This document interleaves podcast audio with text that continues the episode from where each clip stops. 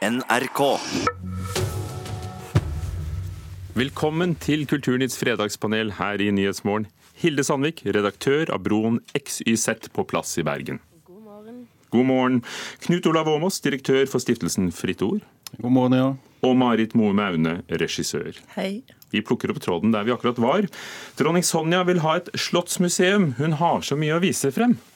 Det har vel vært et håp i mange, mange år om et slottsmuseum, så vi kunne fått vist alle de skattene som ikke bare er våre, men det er jo hele folkets.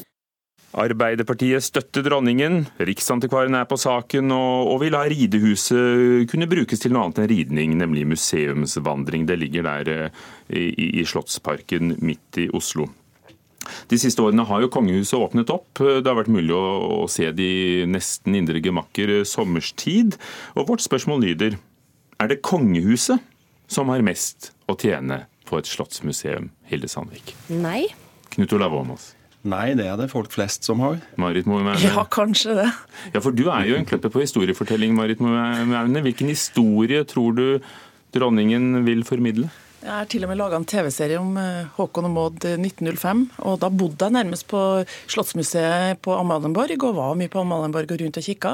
I København også? Og syns det var helt fantastisk fint museum. Og ser jo det at et sånt museum Men det spørs jo hvordan museum det blir. Fordi at hvis vi skal ha et, et sånt museum, så er, synes jeg den nesten viktigste oppgaven fremfor å vise frem porselen, og som er fantastisk fint, det, det er å fortelle historien om hvorfor det eksisterer. For vi har en så særegen kongehistorie i Norge. Da hadde jeg villet gått dit.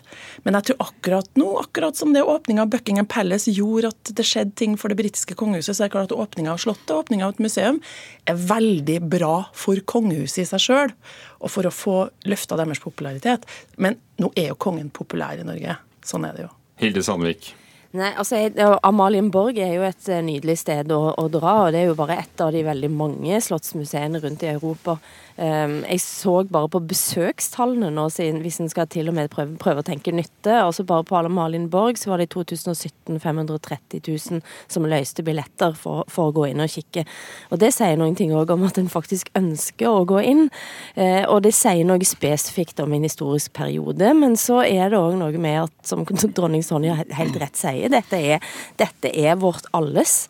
Det er ikke sånn at det er kongefamiliens gjenstander som, som ligger nær der og i, i magasinet, men det, det er vårt. Knut Olav Åmås, du har tatt til orde for dette før, du? Ja, det er vel sju-åtte år siden, og saken har jo pågått i ti år. Eh, Det er klart eh, Agnes Moxnes, kulturkommentator i NRK, har rett i at eh, timingen er litt dårlig. Men det var den for sju-åtte år siden også, fordi det står så mange store offentlige byggeprosjekter i kø nå. Men her har man I jo en by- Oslo, I Oslo, ja. ja. I Oslo, ja.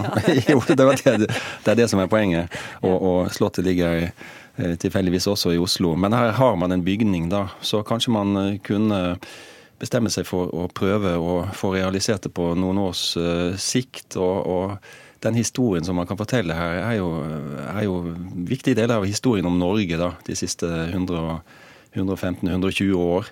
Én ting er kulturhistoriske skatter, men det er så mye man kan lære om eh, norsk historie og gi krysningspunktet til politikk og, og forvaltning. Og, Men har du tro på at et museum Slottet selv driver, vil nettopp problematisere vår styringsform, slik museer gjerne liker å gjøre nå? og Sette søkelyset på, på komplekse strukturer? Ja, Det er jo et slottsmuseum vi snakker om, det er jo ikke et eh, statsformmuseum av diskuterende art. Og den, den diskusjonen går nå uansett. Men øh, kanskje man bør tenke litt bredere på hvordan en skal finansiere noe sånt også. Kongeskipet var jo i sin tid en gave fra det norske folk. Og, og, og da Maud og Håkon kom i 1905, eh, var det pengeinnsamling blant nordmenn flest for å utstyre i de kongelige hjemmene. Eller Sandvik, ville det vært eh, stemning for det, tror du? Altså, jeg tenker jeg er jo ofte kritisk til stor pengebruk i hovedstaden. For, for stor pengebruk. Eh, men samtidig så er det sånn at vi har en hovedstad. Eh, det har noen funksjoner, og blant annet så ligger også Slottet og kongefamilien bor i Oslo. Jeg tenker, jeg tror faktisk ikke dette ville vært den største stridssaken. Marit Moe Maune, vi hørte tidligere Tor Boman Larsen som skrev syvbindsverket om, eh, om Håkon og Maud. Du regisserte TV-serien. Han mente vi måtte få dette her for enhver pris. Nei, men vi skal ikke gjøre noen ting for enhver pris. Vi skal, jeg mener, jeg er litt uenig i det at ikke det kan være en, et museum som også tar av seg statsformen. For det er faktisk den funksjonen kongehuset har i Norge. Og jeg syns den er spennende, den historien som vi har. Så da blir jeg gjerne med. Men hvis det bare blir en, for å vise frem gaver som er kommet fra konger og, og, og, hus rundt omkring, så tror jeg ikke jeg er så fryktelig interessert. Men, Men så må jeg jo si det at jeg har hver sommer så klør det litt i meg for å gå inn på omvisning på Slottet. Så det, det ligger nok noen følelser hos oss alle sammen i forhold til det. Du som har det skandinaviske perspektivet i, broen XYZ til det, Sandvik. Du, eh, det står jo ganske sterkt i Norge, gjør det ikke det, kongehuset? Jo, det står veldig sterkt. Jeg bare begynte å tenke på den svenske filmen The Square, som er jo en helt fantastisk eh, film der, eh, der det svenske slottet altså har blitt et museum i seg sjøl. En kan gå inn og se, bruke det som en, ja, som en forlokkelse. Jeg tror et sånt museum kunne finansiere seg selv ganske mye også, med hundretusenvis av besøkende hvert år. Kunne de kanskje fått litt støtte fra en stiftelse? Fritt mm. ord eller noe sånt? Mm, ja, Det fins flere stiftelser i Norge, heldigvis. Ja, du vred deg unna den. Fritt ord. Nytt spørsmål. De siste ukene har eh, et teaterstykke engasjert langt utover kulturspaltene. For første gang på lenge også justisministeren har engasjert seg. Tor Mikkel Waras samboer har anmeldt Black Box teater. Statsråden selv skrev lang kronikk i Aftenposten. Etter at teatret filmet justisministerens hus, så brukte de en forestilling. Eh, denne anmeldelsen skrev VG om denne uken. Etter forestillingen ble Tor Mikkel Waras hus tagget ned med beskyldninger om rasisme. Politiet etterforsker både denne saken og nå også anmeldelsen. Bør teater ta hensyn til levende personers privatliv? Hilde Sandvik.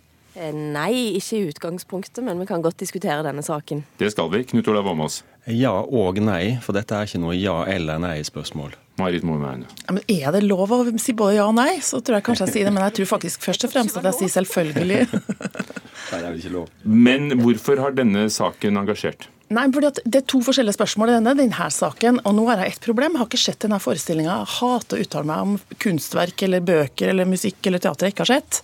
Eh, men det er klart at de folkene her de har selvfølgelig tenkt over det. Det er jo noen av de mest bevisste folkene i norsk teater.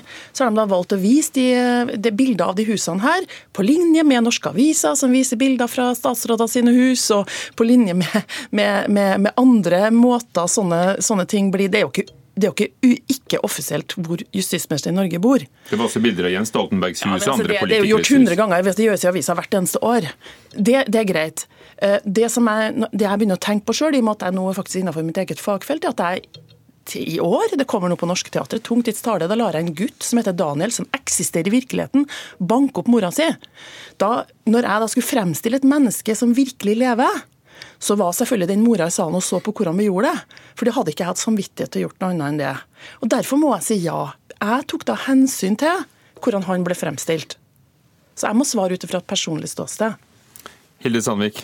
Nei, Det er jo akkurat det samme problemet jeg har, at jeg ikke har sett uh, forestillingen, men selvsagt fulgte debatten uh, med stor interesse. De færreste som debatterer denne ja, saken, har sett denne ja, forestillingen. Ja, og det, det synes jeg faktisk, altså det er litt synd. og Jeg har prøvd å lese en del av de der uh, umiddelbare reaksjonene fra folk som har sett det, bare for å danne meg et inntrykk. Men spørsmålet her er hva det også altså, var hensikten med stykket. Og da tenker jeg at hvis hensikten f.eks. er å påvirke politisk, som det kan virke som at regissøren her faktisk ønsker å skape debatt, eh, så syns jeg det høres ut som at dette virkemidlet treffer veldig dårlig. eller det vil si, du snakker til, du snakker til menigheten. Eh, og jeg kan godt skjønne hun som våkner opp og ser sitt eget soverom filmer. Altså et menneske som har, som kona til Tor Mikkel Wara, som aldri har eh, oppsøkt uh, noen rampelys på noe vis. Uh, at det kjennes forferdelig ubehagelig. Uh, og så er spørsmålet var det meint at det skulle være personlig ubehagelig. og hvis det var det, så syns jeg òg at det høres ut som at det er, en ganske sånn, dårlig motivasjon for å, for å ta et sånt grep, da. Ja, det blir jo gjort juss av denne saken. og En av de få grensene for ytringsfriheten i Norge i, i lovverket går jo akkurat Eh, ved privatlivets fred. Og det, er en av, en av grunnene til at, eh, Varas kone har, har anmeldt saken. Men de etiske sidene her er jo mer interessante i en diskusjon. Vi har jo en debatt om virkelighetslitteratur, og, og, og vi trenger å diskutere kunstners bruk av levende modeller eller levende personer. Spesielt når det hele framstår som dokumentarisk, og det ikke fins noe lag av fiksjon så å si, som er lagt imellom. Så, og, og, Kunsten er jo en samfunnsaktivitet, befinner seg i et samfunn. Og, og det, det, er klart det går an å diskutere eh, om, om kunsten skal ta etiske hensyn. Mm. Har du engasjert i teatermiljøet? Ja, og jeg tror det er en ganske sånn hard diskusjon i teatermiljøet om det her nå. Den er ikke, den er ikke blid, den samtalen som foregår om det her. Nytt tema. Marte Michelet har med sin bok 'Hva visste hjemmefronten? Holocaust i Norge. Varslene, unnvikelsene, hemmeligholdet' fyrt opp en debatt om hva motstandsbevegelsen gjorde for jødene under krigen. Den norske motstandsbevegelsen mottok klare forhåndsvarsler om både jødeutryddelsen og en kommende aksjon mot de norske jødene. Responsen fra hjemmefronten er mye svakere enn eh, det som til nå har vært eh, bildet. Fortjener heltene kritisk søkelys? Knut ja. Olav Åmås? Ja, det fortjener alle. Marit? Ja. Hilde? Ja. Er det blitt gjort på en riktig måte? Har vi fått den debatten vi, vi trenger nå? Vi har fått en debatt Eh, og det er klart at På et tidspunkt så var det jo satt opp statuer overalt. og det var Deler av motstandsbevegelsen ble hylla, deler ble ikke hylla. Så det er klart at vi trenger virkelig en diskusjon om et av de viktigste punktene i forrige århundre. Mm. Jeg tenker, altså, Som tidligere debattredaktør i Bergens Tidende, og der tror jeg Knut Olav Åmås som tidligere debattredaktør i Aftenposten kan eh, streke under, eh, så er jo en, det er en av de debattene som har vært svært betente. Hver gang dette ruller fram eh, på et eller annet nivå mens jeg var i BT, så ble altså frontene ekstremt harde. Og det Morte Michelet gjorde, var å rive av plaster kanskje litt vel fort. Sånn at det begynte kanskje å blø litt voldsomt eh, noen steder. Men jeg tror på sikt så kommer denne debatten her til å føre til at vi gradvis skriver litt om historien. Og så ser jeg òg at Marte Michelet sjøl sier, og ikke minst etter dette lange seminaret som var eh, på Holocaust-senteret, eller ikke av Holocaust-senteret, at eh, det er ting der som hun kanskje ville gjort litt på nytt. Eh, og jeg tenker det òg er fint, at det ser ut som at hun tar sjølkritikk på noen, noen av de punktene der noen mener at hun har vridd på kilder, f.eks. Det som er det tankevekkende, er at eh, en del av disse følsomme temaene kommer opp først 70-80 år etter krigen, til tross for at det knapt finnes et tema eh, som andre verdenskrig som er, er mer populært blant eh, nordmenn. Det kommer masse bøker hvert eneste år. Det er også tankevekkende at, at, at det er mye journalister, journalister, forfattere, frilansforfattere og andre som, som kommer med disse temaene, og ikke norske faghistorikere. Og Hvilke tanker vekker det hos deg? Det er, det er, eh, det er spesielt følsomme te tema, dette. Vi husker at Bjørn Vestli eh, eh, var den som i Dagens Næringsliv skrev om plyndringen av norske jøder for, for, over 20 år siden. Det er vanskelig fordi, fordi også historiefag er, er innvevd i det store bakteppet av allmenne holdninger i samfunnet. Og det jødiske og jødisk historie har aldri spesielt mange vært interessert i i Norge. Og eh, motstandsmennene fra andre verdenskrig er noen av de få store nasjonale helter vi har i dette landet. Da, så det gjør ekstra vondt for, for mange. Og da må det kanskje gå 70-80 år? Ja, men jeg har en mor som var 13 år i 1940, og hun forteller om hvor utrolig djup den antisemittismen var i den norske befolkninga. Hvordan faren hennes ble kritisert for å handle i jødebutikker. Nå snakker vi om Trondheim, som virkelig, virkelig like tok de jødene sine veldig hardt, hvor det var mange tapre folk som hjalp dem, men også utrolig grunnleggende antisemittisme. Hun har vært litt brutal, Marte Michelet, men allikevel så får vi i hvert fall opp denne utrolig nødvendige diskusjonen. Mm. Vi lar den historien fra din mor være siste ord i Fredagspanelet i dag. God jul, mamma. Takk. Marit Moe Maune, regissør. Hilde Sandvik, redaktør av Broen. Og Knut Olav Åmås, direktør i Fritt Ord. Dette var Fredagspanelet, men Nyhetsmorgen er ikke over med det. Hvordan så Jesus ut historisk? Hvordan har vi fremstilt ham? Det skal det handle om etter Dagsnytt.